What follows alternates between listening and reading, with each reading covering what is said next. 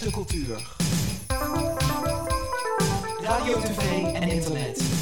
MVS Gay Station.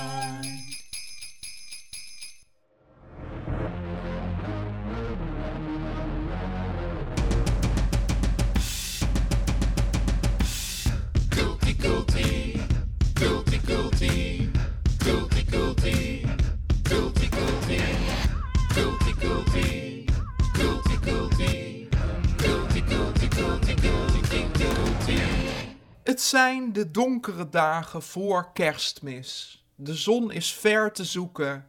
De rottende blaren vormen een zompige drap. Om nog maar te zwijgen van alle pandemische en politieke ellende.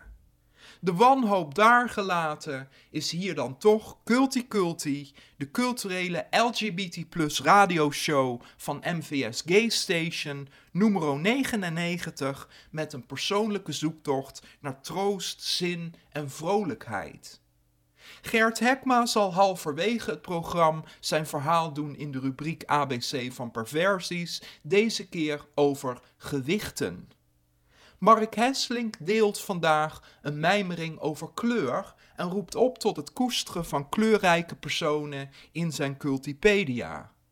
Zelf zal ik een column voorlezen over de onvergetelijke Freddie Mercury en de onuitwisbare indruk die hij op me maakte en nu nog steeds 30 jaar na zijn overlijden. Verder is er uit de platenkast, waarin een queer kerstvers lied te horen is, jawel, en de hoofdgast vandaag is Antoine van den Berg van What's in a Name, vrolijk boeken en films, die ons zo hopelijk zal verblijden met een paar mooie culturele tips. Maar nu eerst een lyrisch gedicht.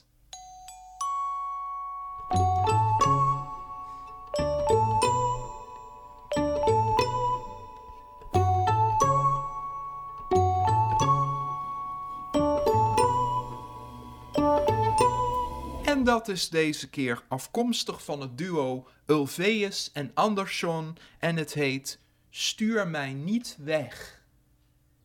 Een poos geleden hoorde ik kindergelach.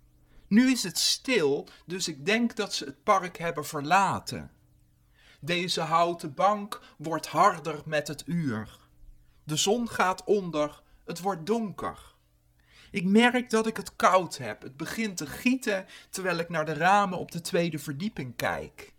De lichten zijn aan. Het is tijd om te gaan. Het is eindelijk tijd om het hem te laten weten. Eerlijk gezegd zie je eruit alsof je het in Keulen hoort donderen. En je vraagt je terecht af waarom ik hier vandaag ben. Zou ik ook doen.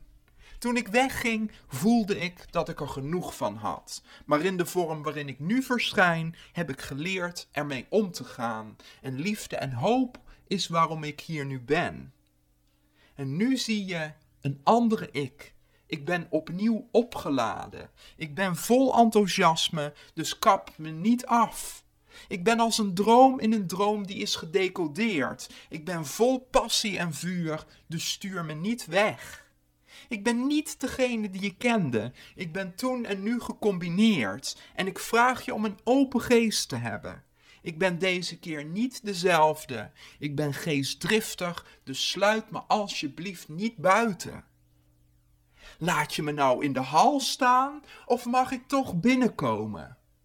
Het appartement is helemaal niet veranderd. Ik moet zeggen dat ik blij ben. Ooit waren deze kamers getuigen van onze liefde, mijn driftbuien en toenemende frustratie, maar ik ga van gek naar best wel kek in mijn transformatie. Je vroeg me niet weg te gaan, nou hier ben ik weer. Ik hou nog steeds van jou en zal me daarom niet anders voordoen. Ik heb geleerd ermee om te gaan. En liefde en hoop is waarom ik hier nu ben. A while ago I heard the sound of children's laughter. Now it's quiet, so I guess they left the park. This wooden bench is getting harder by the hour. The sun is going down, it's getting dark. I realize I'm cold, the rain begins to pour, as I watch the windows on the second floor.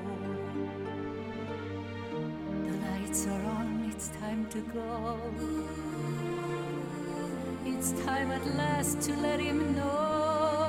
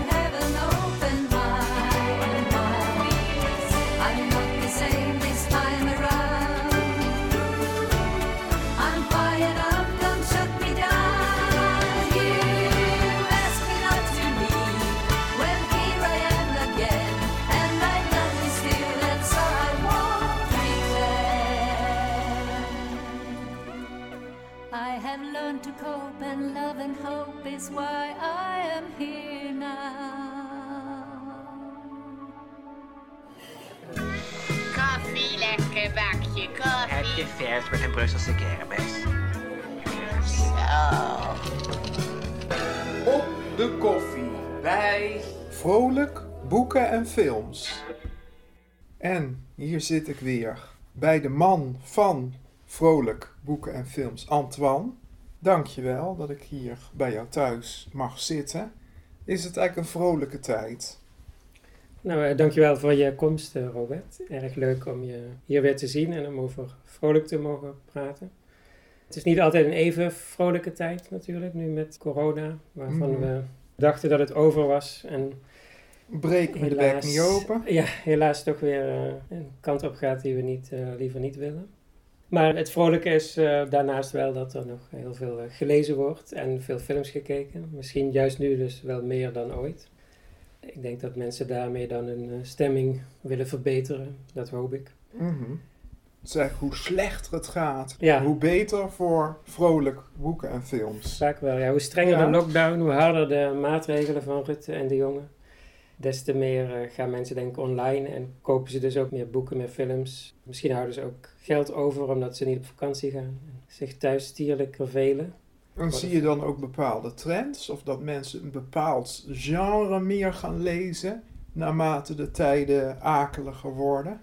Misschien wel een beetje dat ik meer eh, comedies verkoop qua films. En wat luchtiger eh, boeken.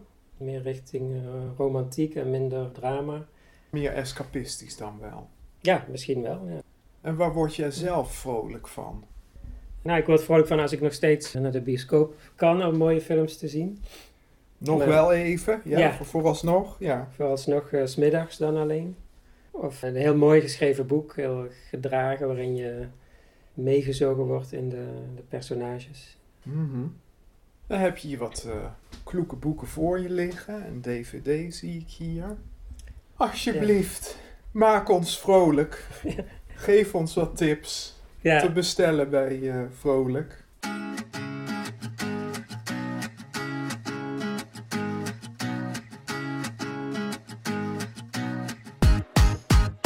nou, een hele vrolijke tip is een romantisch boek. Heel makkelijk leesbaar, eh, genaamd eh, Roze Kerst.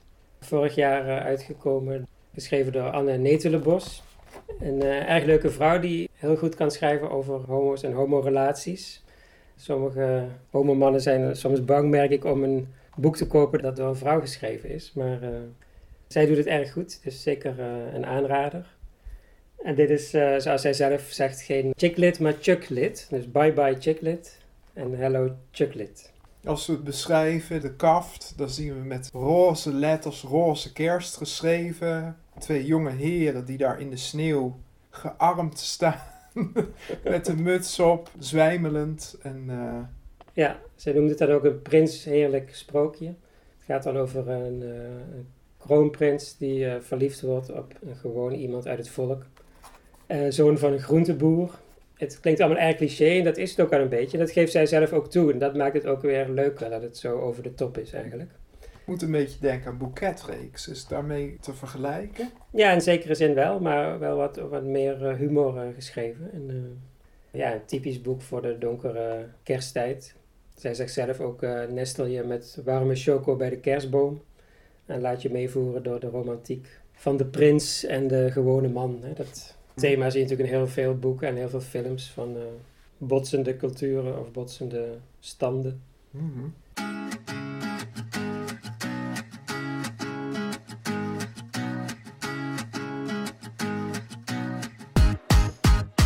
Misschien dan mooi om de overstap te maken naar een eh, film. La Dea Fortuna. Een film die afgelopen zomer in de bioscopen heeft gedraaid. En, en heb jij die zelf ook in de bioscoop gezien toen? Ja, ja. Ja. En dus ik was blij dat hij nu ook, eh, dat Artie Film besloten heeft om hem ook op DVD uit te geven. Dat gebeurt tegenwoordig lang niet eh, altijd meer. Nou, en, en lekker snel dan, relatief. Ja, ja, dat, ja, als ze op DVD komen ge- gebeurt dat tegenwoordig wel steeds eh, sneller ook. En wat, wat is er bijzonder? eh, hoe, hoe heeft die film jou geraakt? Nou, het gaat over twee mannen die een tijd een relatie hebben, die een beetje ingekakt is. Dus ze Midlife crisis? Ja, zoiets. Ja, ze proberen daar wel nu eh elan aan te geven, maar dat eh, is wel moeilijk. En op een dag staat een eh, vriendin bij hen voor de deur met de vraag of zij tijdelijk voor haar twee kinderen willen zorgen, omdat ze naar het ziekenhuis eh, moet. Hmm, foster daddies. Ja, foster Ja. daddies, ja. Dus dat is voor hen natuurlijk eh, heel nieuw. En dat korte tijdelijke, dat wordt, zo raad je misschien al, dan steeds langer. Mhm. In het begin verstoort dat natuurlijk helemaal hun ritme. Zijn ze helemaal niet gewend. Ze weten niet wat ze met die kinderen aan moeten. Maar na verloop van tijd blijkt dat juist weer een nieuwe input te geven in hun leven. Grote verandering en ook naar het positieve toe. Hun, hun relatie weer een, eh, een boost te geven. En het is gebaseerd, het verhaal, op de persoonlijke achtergrond van de regisseur. Die iets soortgelijks heeft eh, meegemaakt. Zo kwam hij op het eh, idee voor deze film. En de regisseur is eh Ospitek, die de meeste mensen wel kennen van Hamam Il Bagno Turco. Oh, ja. Inmiddels een klassieker geworden. En hij is, heeft een Turks-Italiaanse achtergrond. Hè. Dat zie je in die Hammam heel duidelijk, maar ook, ook hier weer. Mooi.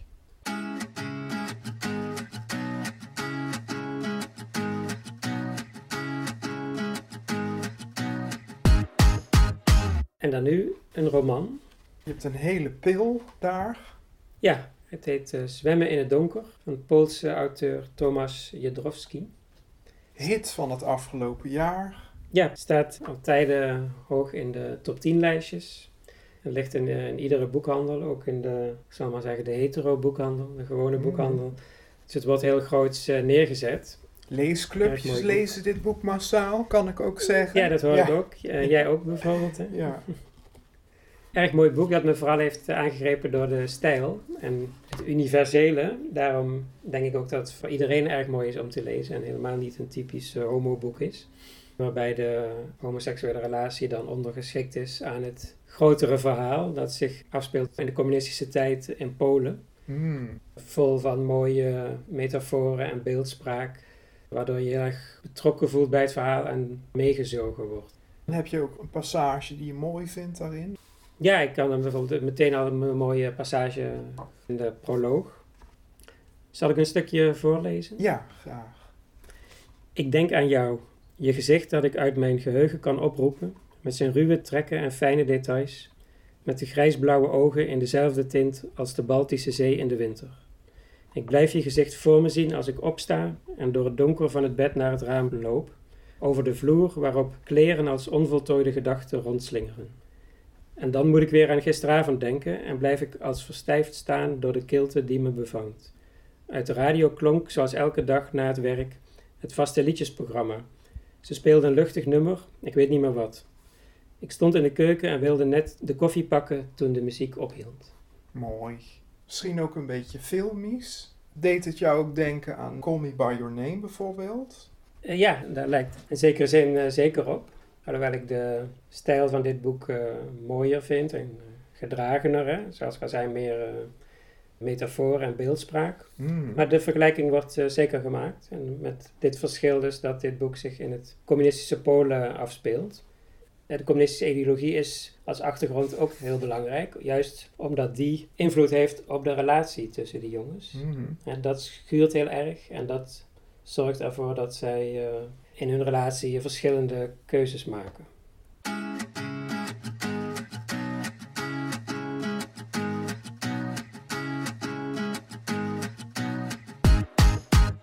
Nou, om nog vrolijker de winter eh, door te kunnen, heb ik ook een eh, kinderboek uitgezocht voor de verandering. Oeh. Het is een prentenboek.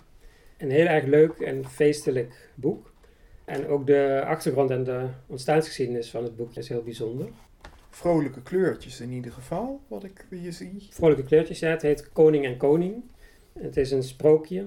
En nu eens niet over een eh, prins die verliefd wordt op een eh, prinses, maar op een andere prins. Het gaat over een koningin die met pensioen wil. En die vindt dat het tijd wordt dat haar zoon maar een keer moet gaan trouwen, want dan kan zij eh, van haar verdiende pensioen gaan genieten. Ze nodigt daarvoor allerlei prinsessen uit aan het hof en die komen één voor één een opwachting maken, maar de prins wijst ze allemaal net zo hard weer af. Totdat er een prinses komt die haar broer meeneemt en dan Oeh. schiet Cupido eh, de pijlen raak. Het is heel geestig geschreven en hele grappige tekeningen. Ook heel vanzelfsprekend dat die twee dan eh, gaan trouwen en koning en koning worden. En op het laatste plaatje ligt de koningin uit het zwembad met een cocktail, want die heeft nou eh, Ach, dus dan is haar wens... vrije eh, tijd. Ja, Ja. dat stemt zeker vrolijk. Dat, je haalt het ook over de ontstaansgeschiedenis. ja, het boekje is inmiddels al een jaar of twintig oud. En eh, ik geloof al in 12 of 13 eh, verschillende talen eh, verschenen. Over de hele wereld kun je het aantreffen in eh, boekhandels en bibliotheken. En het verontrustende en tegelijkertijd eh, grappige is dat in sommige landen het geweigerd werd in eh, boekhandels en bibliotheken. Vanwege dan de homoseksuele inhoud. En men vond het in protestants Amerika niet geschikt voor kinderen. Oh, daar, daar is het niet eh, verkrijgbaar. Ja, inmiddels wel, maar een aantal bibliotheken hebben het eh, geweigerd. Er zijn zelfs groeperingen geweest die het verbrand hebben. Ach jee. Weet ik ja. van de auteurs. Die vonden dat eigenlijk best wel stoer dat hun boek ritueel verbrand werd. En andere bibliotheken wilden het wel op voorraad nemen, maar alleen op de volwassenenafdeling. Terwijl het toch overduidelijk een kinderboek is. Hmm. En ook gewoon zeer geschikt voor kinderen. De auteurs gaan met het boekje heel eh, Nederland door. Er zijn allerlei projecten op eh, basisscholen. En daar wordt dan eh, in de klas voorgelezen en de plaatjes bekeken. En zo is dan het idee om een gesprek over homoseksualiteit op te starten. En het grappige is, zegt eh, Linda Daan, ook de- een van de auteurs, dat kinderen dan helemaal niet zo bezig zijn met het feit dat het om twee jongens gaat die eh, gaan trouwen, maar veel meer bezig zijn met de grappige plaatjes of wat een gekke jurk heeft die prinses aan. Ja, heerlijk. En het- stond juist nu in de belangstelling weer, omdat een van de auteurs geïnterviewd is eh, door het NRC over dit boekje. En dat was weer naar aanleiding van het boek van Claudia de Brij over het leven van Amalia tot nu toe. Amalia, schat, luister je ook? Ja? En eh, waarin natuurlijk de vraag werd opgeworpen, of als zij eh, een vriendin zou krijgen, zou zij dan ook nog steeds koningin kunnen worden. En dat je dan koningin en koningin hebt. Mhm. En zo kwam het NRC uit bij, bij dit boekje. Dus het is eigenlijk een klassieker die naarmate het vaker in opspraak komt of tijdelijk verbrand wordt, steeds bekender en Ja. populairder wordt eigenlijk. Ja, negatieve publiciteit is vaak heel eh, goede publiciteit. Kun je nog één keer de titel noemen? Koning en koning. Van? Linda de Haan en Sterren Nijland.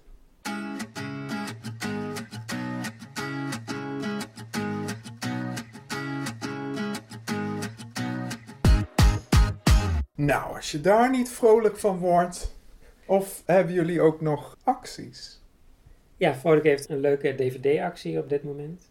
Kleine 20 films, sommige al wat ouder, die eh, verkrijgbaar zijn voor slechts 4 euro of eh, 3 voor een tientje. Zowel gay als lesbisch als transgender films. Eh, zoals bijvoorbeeld Four More Years, Any Day Now, of eh, lesbische films eh, La Lamada, Affinity. Mhm. Allemaal eh, bekende of minder bekende arthouse films. Ah ja, dus een beetje alternatief. En die actie loopt eh, zeker tot eind van dit jaar, of misschien nog iets langer. Hartelijk dank en een vrolijke winter ook aan jou. Ja, dankjewel. eh, insgelijks, eh, Robert.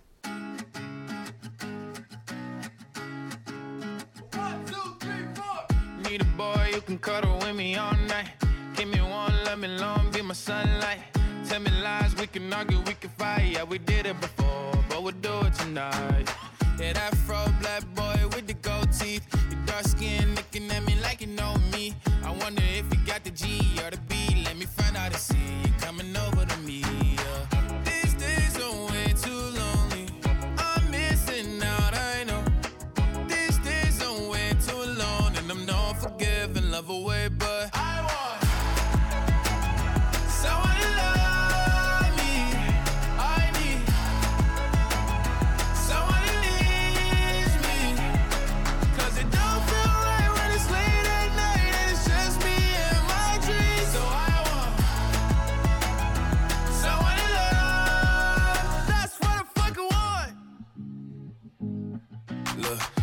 It's hard to define in these times, but I got nothing but love on my mind.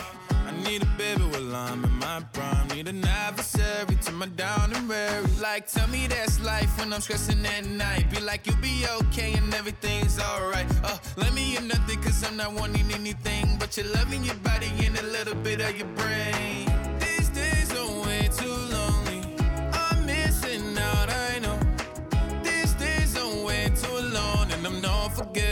Away. way, but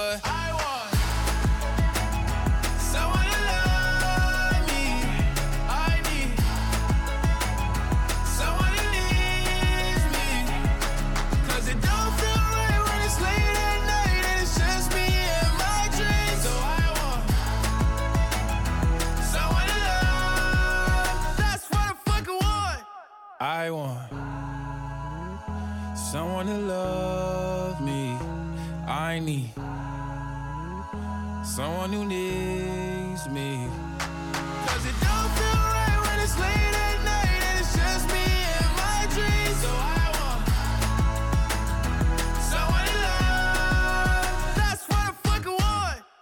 Fetischisme, sadisme, masochisme, auto-erosie, onderdanigheid, kinderliefde, pedophilie, dominantie, dominantie,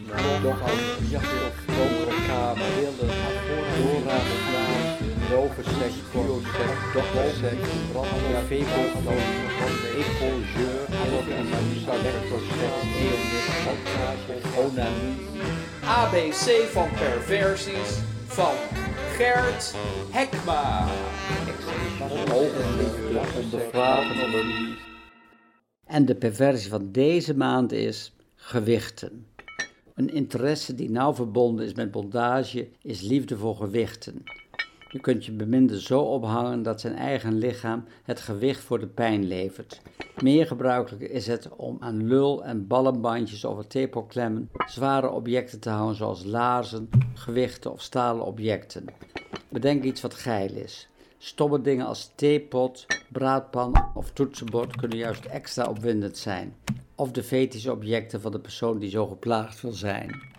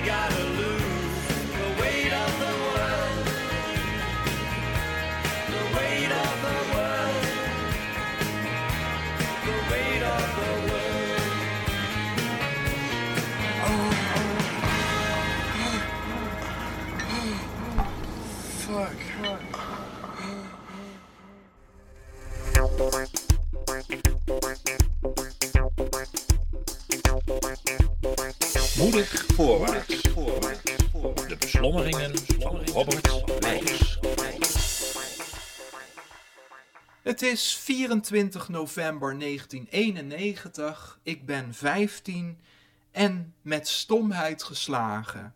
Freddie Mercury, zanger en voorman van rockgroep Queen, blijkt ineens niet meer te zijn. Overleden aan de gevolgen van AIDS. Met rode oren luister ik naar de dramatische cadans van Innuendo, met daaroverheen een ontgoochelde Frits Spits die op de radio een eerbetoon brengt. Met rode wangen laat ik het nieuws op me inwerken. Hoewel ik inmiddels diep in mijn hart weet dat ik eigenlijk meer op jongens dan op meisjes val, schrik ik van de insinuatie dat Freddy klaarblijkelijk dan toch ook wel van de mannenliefde moet zijn geweest. Het beeld wat ik toen had van Freddy was van een oudere, stoere en robuuste man, een macho, een haantje, een koning. Van jongs af aan had ik de videoclips als een soort gospel tot me genomen via Afro's Top Op en Veronica's Countdown. Het idee dat deze krachtige man een homo of biseksueel moet zijn geweest, fascineert, verward en beangstigt me dan. De postuum vrijgegeven clip van These Are the Days of Our Lives, waarin Freddy uitgemergeld onder een dikke laag make-up en in soft focus als een schim van zijn vroegere zelf toch een heldhaftig afscheid neer weet te zetten, zal mijn verdere jaren als jonge homo bepalen. Dit afschrikwekkende beeld leert mij dat homoseks, en dan vooral onveilige anale homoseks, zeer gevaarlijk en zelfs dodelijk kan zijn. Naarmate ik zelf in de jaren erop langzaam meer durf toe te geven aan mijn verlangens van liefde en lust, blijft dat gruwelijke beeld van Freddy als waarschuwing boven me zweven. Waag het niet. Als ik uiteindelijk ronduit uit durf te komen voor wie en wat ik ben, kijk ik enigszins meewarig naar de oude rocklegende. Tien jaar geleden had ik het vanuit mijn activistische gedrevenheid tot meer zichtbaarheid zelfs nog tragisch genoemd dat Freddy zo lang zo geheimzinnig had gedaan. Inmiddels kijk ik met heel andere ogen naar het fenomeen en vooral ook de mens Freddie Mercury. Er zijn inmiddels vele prachtige documentaires verschenen waarin Freddy middels archiefopnames vrijuit spreekt, geen maskerade ophoudt, maar zijn speelse, geestige en soms stoute zelf laat zien. De krampachtige tijdgeest met de homofobe sensatiezucht lijkt eindelijk voorbij. Ja, hij was de koning van Queen, maar ook ooit een verlegen jongetje uit Zanzibar dat zich schaamde voor zijn vooruitstekende tanden.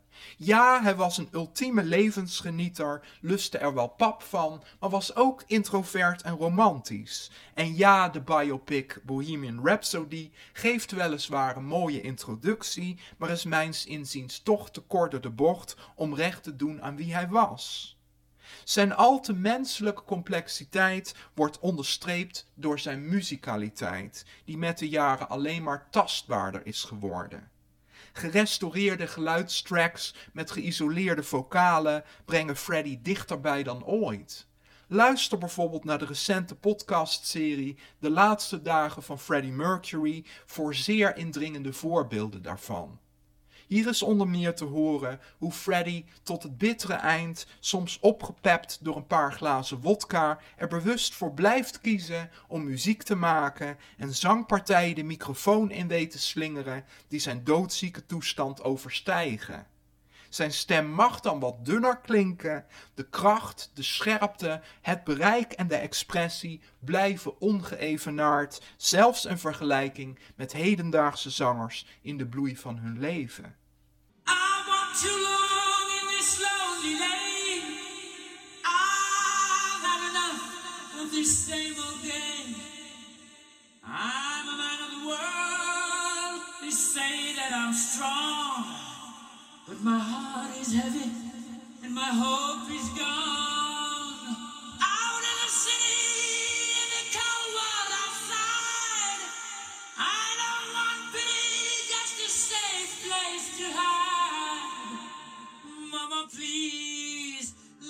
Back inside. 30 jaar zijn er inmiddels voorbij gegaan sinds zijn overlijden. HIV is voor velen gelukkig al lang niet meer een doodvonnis, maar meer een chronische aandoening waar je oud mee kunt worden. Homoseksualiteit is verder uit het verdomhoekje gekomen en de acceptatie is in bijzondere mate gegroeid. Mijn angst heeft plaatsgemaakt voor meer bewondering en tederheid. Mijn aanvankelijke schok heeft plaatsgemaakt voor herkenning. Freddy lijkt me steeds naderbij te komen nu ik hem onlangs ingehaald heb in leeftijd. Van de man die drie keer zo oud was als ik toen hij stierf, is hij nu voor altijd een jongere man geworden. I was born to love you. Moedig voorwaarts.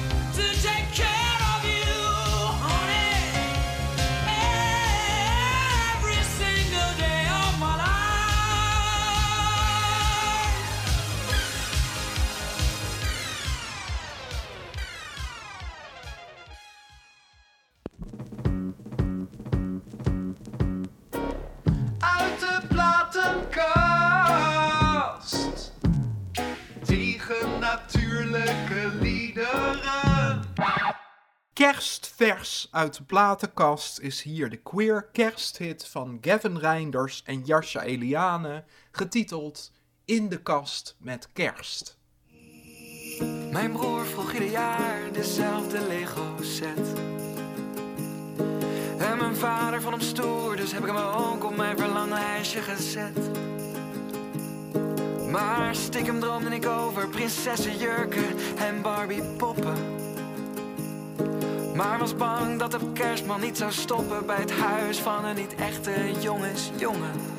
Ik ga niet terug de kast in deze kerst. Ik ga niet terug de kast in deze kerst. Oh, ik twijfel geen moment, maakt niet uit wat men zegt. Het geroddel, het gefluister, vindt het best, maar ik ga niet terug de kast in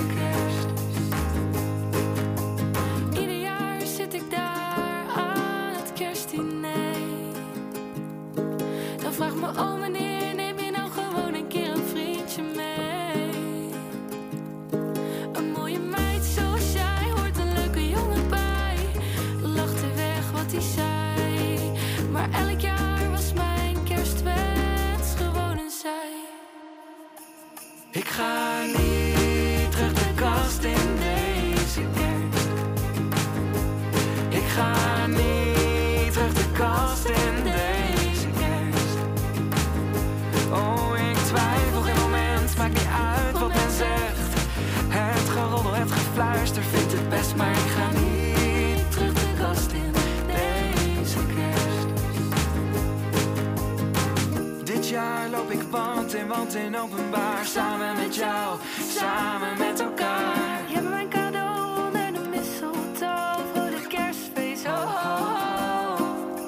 Ik verberg niks, het is een queer kerstmis. Alles wat ik ben staat op mijn wishlist. Ik ga niet terug de kast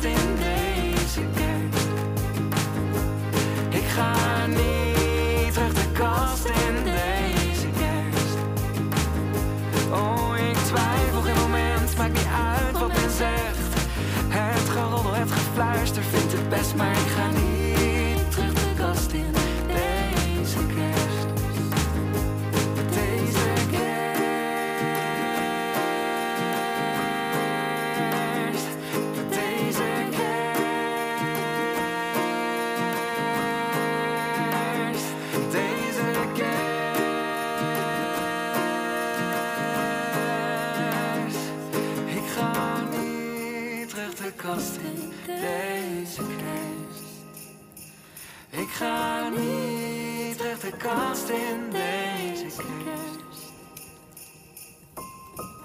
Vrolijk kerstfeest, Jasja. Vrolijk kerstfeest, Kevin.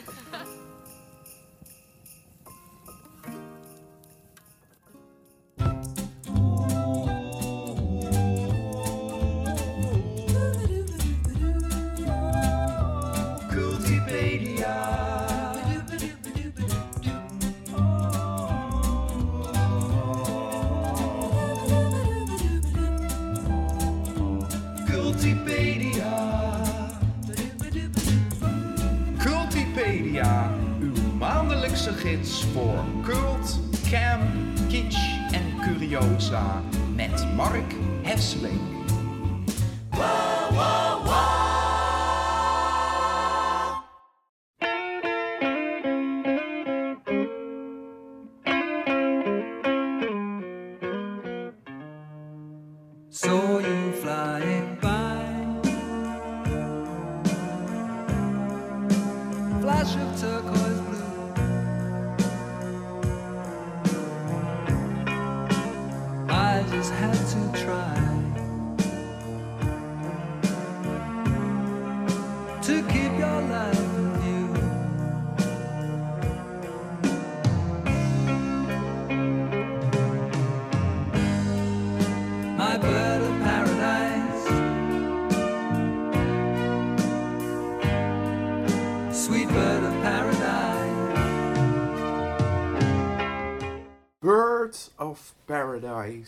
Ja, ja. Gaan we aan de paradijsvogels? Ja, nou, ik heb eens een beetje een andere Cultipedia dan anders. Ik heb even een beetje een mijmering. En, en, Oh. en er moet me iets van het hart. Het begon ermee dat ik een nieuwe jas kocht. Ik heb een hele mooie, lekkere, warme winterjas, maar ik wilde een tussendoorjasje, een herfstjasje. En toen vond ik ergens een soort bomberjackie met hele felle kleurtjes. En dat vond ik leuk en in een soort impuls heb ik die gekocht. En toen liep ik daarmee over straat en toen viel het me op dat heel veel mensen daarnaar keken. En op een gegeven moment was het zelfs zo dat ik hier op de markt liep en er stond bij de notenkraam stond een hele knappe en behoorlijk modieus uitgedoste jongen. Die keek me ook zo aan en dat ik echt ook even dacht van, hoezo, ken ik jou? En toen zei hij ineens... Heb ik iets van je aan? Nee, nee, en toen zei hij ineens tegen me, ziet er goed uit man. Nou, je begrijpt, ik heb de rest van die dag op wolkjes gelopen. Maar het zette me ook aan het denken. Want toen keek ik om me heen. En toen viel het me eigenlijk op, of liever gezegd, het viel me eigenlijk helemaal niet op. Iedereen is gekleed in donkergrijs, donkerblauw, donkerbruin. Als de Zwart. lichte kleur zwart, lichte kleur is, is het beige. De kleur is totaal uit het straatbeeld verdwenen. Jonge jongens die lopen allemaal in van die vaalzwarte hoodies, heel diep erin weggedoken, willen niet opvallen. Mensen zijn bang geworden om op te vallen. In dezelfde tijd was ik de prachtige biografie van Mathilde Willink aan het lezen. Die Oh ik ja. van jou voor mijn verjaardag heb gehad. Daar ben ik heel blij mee. Wij hebben haar wel eens als diva hebben we haar behandeld. Een, een vrouw die in de jaren 70, zo lang geleden is dat al, een fenomeen was in Amsterdam. Omdat ze altijd in die prachtige Fonleng couture jurken door de stad flaneerde. Hele opvallende verschijning. En ineens realiseerde ik me, de paradijsvogels zijn verdwenen uit Amsterdam. Moest ineens ook denken aan Weile Fabiola. Mhm. Geen makkelijk mens. Mijn vriend was het niet, zal ik je eerlijk zeggen. Maar ere wie ere toekomt, in zijn jonge jaren, toen hij er nog echt heel veel werk van maakte. Ja, was het toch wel heel bijzonder hoor. Hoe hij altijd door de stad liep in die enorme gewaden van allerlei kleurige folie op enorme plateauzolen. Waarmee hij ver boven het winkelend publiek uitstak. Daar kwam wat aan. Het was ook een fenomeen. En iedereen kende hem. Iedereen wist wie hij was. Wie niemand wist wie het was, maar ook iedere Amsterdammer nog kent. Die vent die altijd in een heel klein stringetje door de stad rolschaatste. Meestal s ochtends heel vroeg. Ook zo'n figuur. Hij heeft ooit één keer een televisieinterview gegeven. Het was een hele excentrieke man. Hij geloofde dat hij door het eten van veel voedingssupplementen en veel trainen het eeuwige leven kon krijgen. En zijn schoonheidsideaal kon bereiken. En dat was om een zwarte man van 2,20 meter lang te worden. Nou ja, maar goed. En was 1,65 meter Ja, en, en wist. niet precies, ja. Ja. Ehm, maar die is ook niet meer. en eh, die geeft wow, ook niet meer in de. Jaren niet meer gezien. Nee. Geen idee. En dan ook, want dan hebben we het over mensen met een bijzonder uiterlijk. Maar er waren natuurlijk ook mensen die met hun persoonlijkheid en hun levensstijl iets aan de stad toevoegden. En dan denk ik, eh, kunstenaars, mensen als Anton Heijboer, Simon Vinkenoog. En natuurlijk Ramse Shaffi en, en Herman Brood. Mannen die altijd overal waren, die overal in de stad kwam je ze tegen, waren super aardig, sympathiek, heel gul met hun talent. En ook vooral misschien wel on-Nederlands in hun passie voor het leven en hun mateloosheid ook. Een grappig verhaal. Een, een vriendin van mij die kwam heel vaak in een café in de Spuistraat, waar Ramses ook heel vaak kwam. En die vertelde me een keer van ja, er staat dan een piano en dan gaat hij daarachter zitten en dan gaat hij spelen en zingen. En dat vertelde ze op een beetje een vermoeide toon, alsof dat een enorme last was. En ik zei, maar dat is toch heel leuk? Dan ga je naar het café, krijg je gratis concert van Ramses Shaffi erbij. En toen zei ze, ja, maar hij houdt nooit op. Ja, ja, dat heb ik En ook twee uur gehoord. verderop, dan wil ik wel weer eens even met mijn vriendinnen kletsen. Nou ja, dat. Shine up, shine up. En dan ging het erdoor. Ja. Ja. En dan, ja, iets anders heel geks. Ik bedoel, jij weet hoe ik denk over kerk en over religie. Maar toch wel een heel gek, typisch Amsterdams ding. Is dat juist uit de kerk een paar van die hele, toch schilderachtige figuren voort zijn gekomen. En dan denk ik natuurlijk aan Major Boshart. van het leger des heils. Ik kan me de tijd nog herinneren dat je geen kroeg of geen restaurant kon zijn. Of Major Boshart kwam binnen, liep ze de strijdkreten verkopen, het, het krantje van het leger des heils.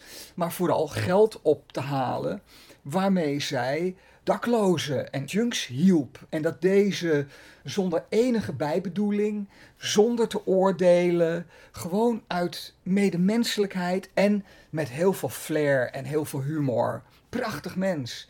En dan hadden we natuurlijk haar mannelijke evenknie, Pater van Kilsdonk. Oh ja, ja. Weet je, ook zo iemand, een Jezuïetenpater, Rooms-Katholiek, maar zo'n bijzondere figuur in Amsterdam. Hij, is, hij begon ooit als studentenpastor en toen ik studeerde en nog een blauwe maandag lid was van een studentenvereniging, toen liep hij daar al rond. Hè. De kater van Pilsdronk werd hij altijd gekscherend genoemd, omdat hij eh, toch wel van een biertje hield ook. En toen ik later in de gay scene kwam, ja, als je uitging, of je nou de reguliere dwarsstraat kwam of in de Halve Maassteeg of de Amstel, altijd stond hij daar. Heel En Was hij bescheiden. zelf homo eigenlijk? Had jij dat? Dat is helemaal, ja, We zullen dat nooit dat weten. zullen we niet weten. Dat was ook helemaal geen issue. Dat speelde niet. Hij was natuurlijk als Rooms-Katholiek geestelijke was hij strikt celibatair. Maar hij stond daar gewoon open voor iedereen die behoefte had aan een praatje, aan geestelijke bijstand. Er zijn mensen waar hij een enorme correspondentie mee had. Prachtige, in schitterende taal ges- handgeschreven brieven. Hij heeft aidspatiënten bijgestaan. Echt een hele bijzondere man waar heel veel mensen warme herinneringen aan koesteren. Ja, Wauw. waar zijn ze gebleven? Zijn ze echt weg of zijn ze verscholen, denk je? Nou ja, alle mensen die ik net genoemd heb, met uitzondering van die blote billenschaatser, waarvan ik het gewoon niet weet, hebben natuurlijk één ding gemeen. Ze zijn overleden, ze zijn er niet meer.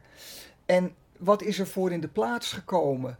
Natuurlijk zijn er nog wel paradijsvogels, die komen we in de scene natuurlijk genoeg tegen. Maar ik heb ook een beetje het gevoel dat het heel erg geïnstitutionaliseerd is. Dat het heel erg zich afspeelt in eigen kliekjes, eigen clubjes, groepjes. Versnipperd. Eh, ja, en ook dat het idee van je, je mooi uitdossen, spectaculair uitdossen moet ik zeggen, om vervolgens over straat te gaan lopen, om gewoon gezien te worden, om iets toe te voegen aan het straatbeeld. Dat gebeurt niet meer en dat heeft natuurlijk ook een reden en dat vind ik echt wel heel verdrietig makend. Stel je voor dat Mathilde Willink vandaag de dag zo over straat zou lopen zoals ze toen deed. Toen vonden mensen het prachtig, ze werd bewonderd, ze was een soort koningin van de stad. Tegenwoordig denk ik dat ze vooral uitgescholden en, en nagekeken zou worden en, en misschien wel in elkaar geslagen. We willen dat niet meer om de een of andere reden.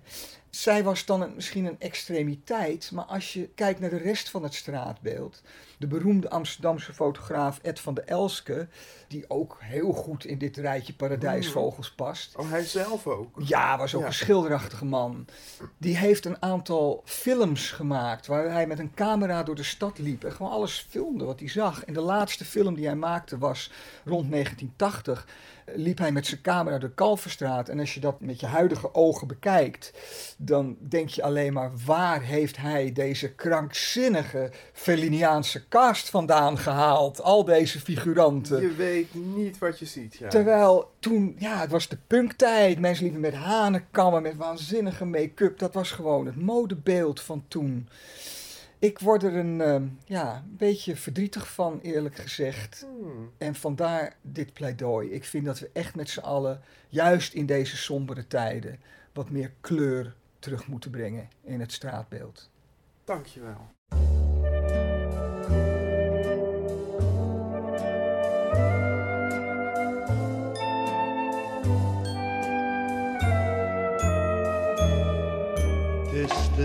Amsterdam, de mensen zijn gaan slapen.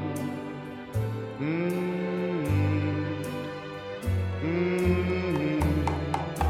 De auto's en de fietsen zijn levenloze dingen. De stad behoort nu nog aan een paar enkelingen, zoals ik die houden van verlaten straten, om zomaar hardop in jezelf te kunnen praten. Om zomaar hardop te kunnen zingen. Want de auto's en de fietsen zijn levenloze dingen. Want de mensen zijn gaan slapen. Mm-hmm. Mm-hmm.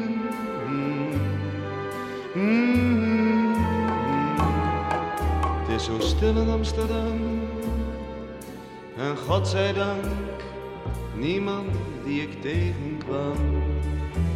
Oh, oh, oh, het is stil in Amsterdam. De mensen zijn gaan slapen. Mm, mm. Ik steek een sigaret op kijk naar het water en denk over mezelf en denk over later. Ik kijk naar de wolken die overdrijven. Ben dan zo bang dat die eenzaamheid zal blijven. Dat ik altijd zo zal lopen op onmogelijke uren. Dat ik eraan zal wennen dat dit zal blijven duren als de mensen zijn gaan slapen.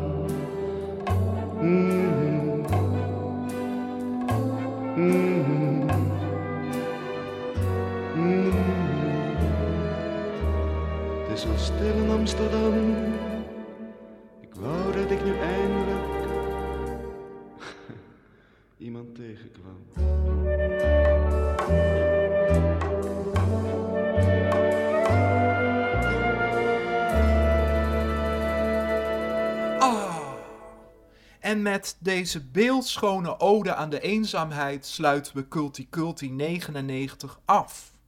Ik ben Robert Weijers en dank hierbij met heel mijn hart Abba, Antoine van den Berg van Vrolijk Boeken en Films, te vinden via vrolijk.nu, Lil Nas X, Gert Hekma, The Beatles, Ringo Starr, freesound.org, Bert Boelaars, Freddie Mercury, Gavin Reinders en Jascha Eliane, Mark Hesselink, Snowy White, Ramse Shaffi en Lydia Till. Meer Culti Culti, waaronder alle eerdere shows, is te vinden op culticulti.nl. Culti met de K van kerstlockdown. Al daar ook zoekfuncties op eerdere gasten, onderwerpen, diva's, tips en perversies. Tot 2022. Culti culti, culti culti, culti culti, culti culti, culti culti, culti culti, culti culti culti culti culti. Dit was NVS Radio. Voor meer informatie en media ga naar www.nvs.nl. Planet PlayStation.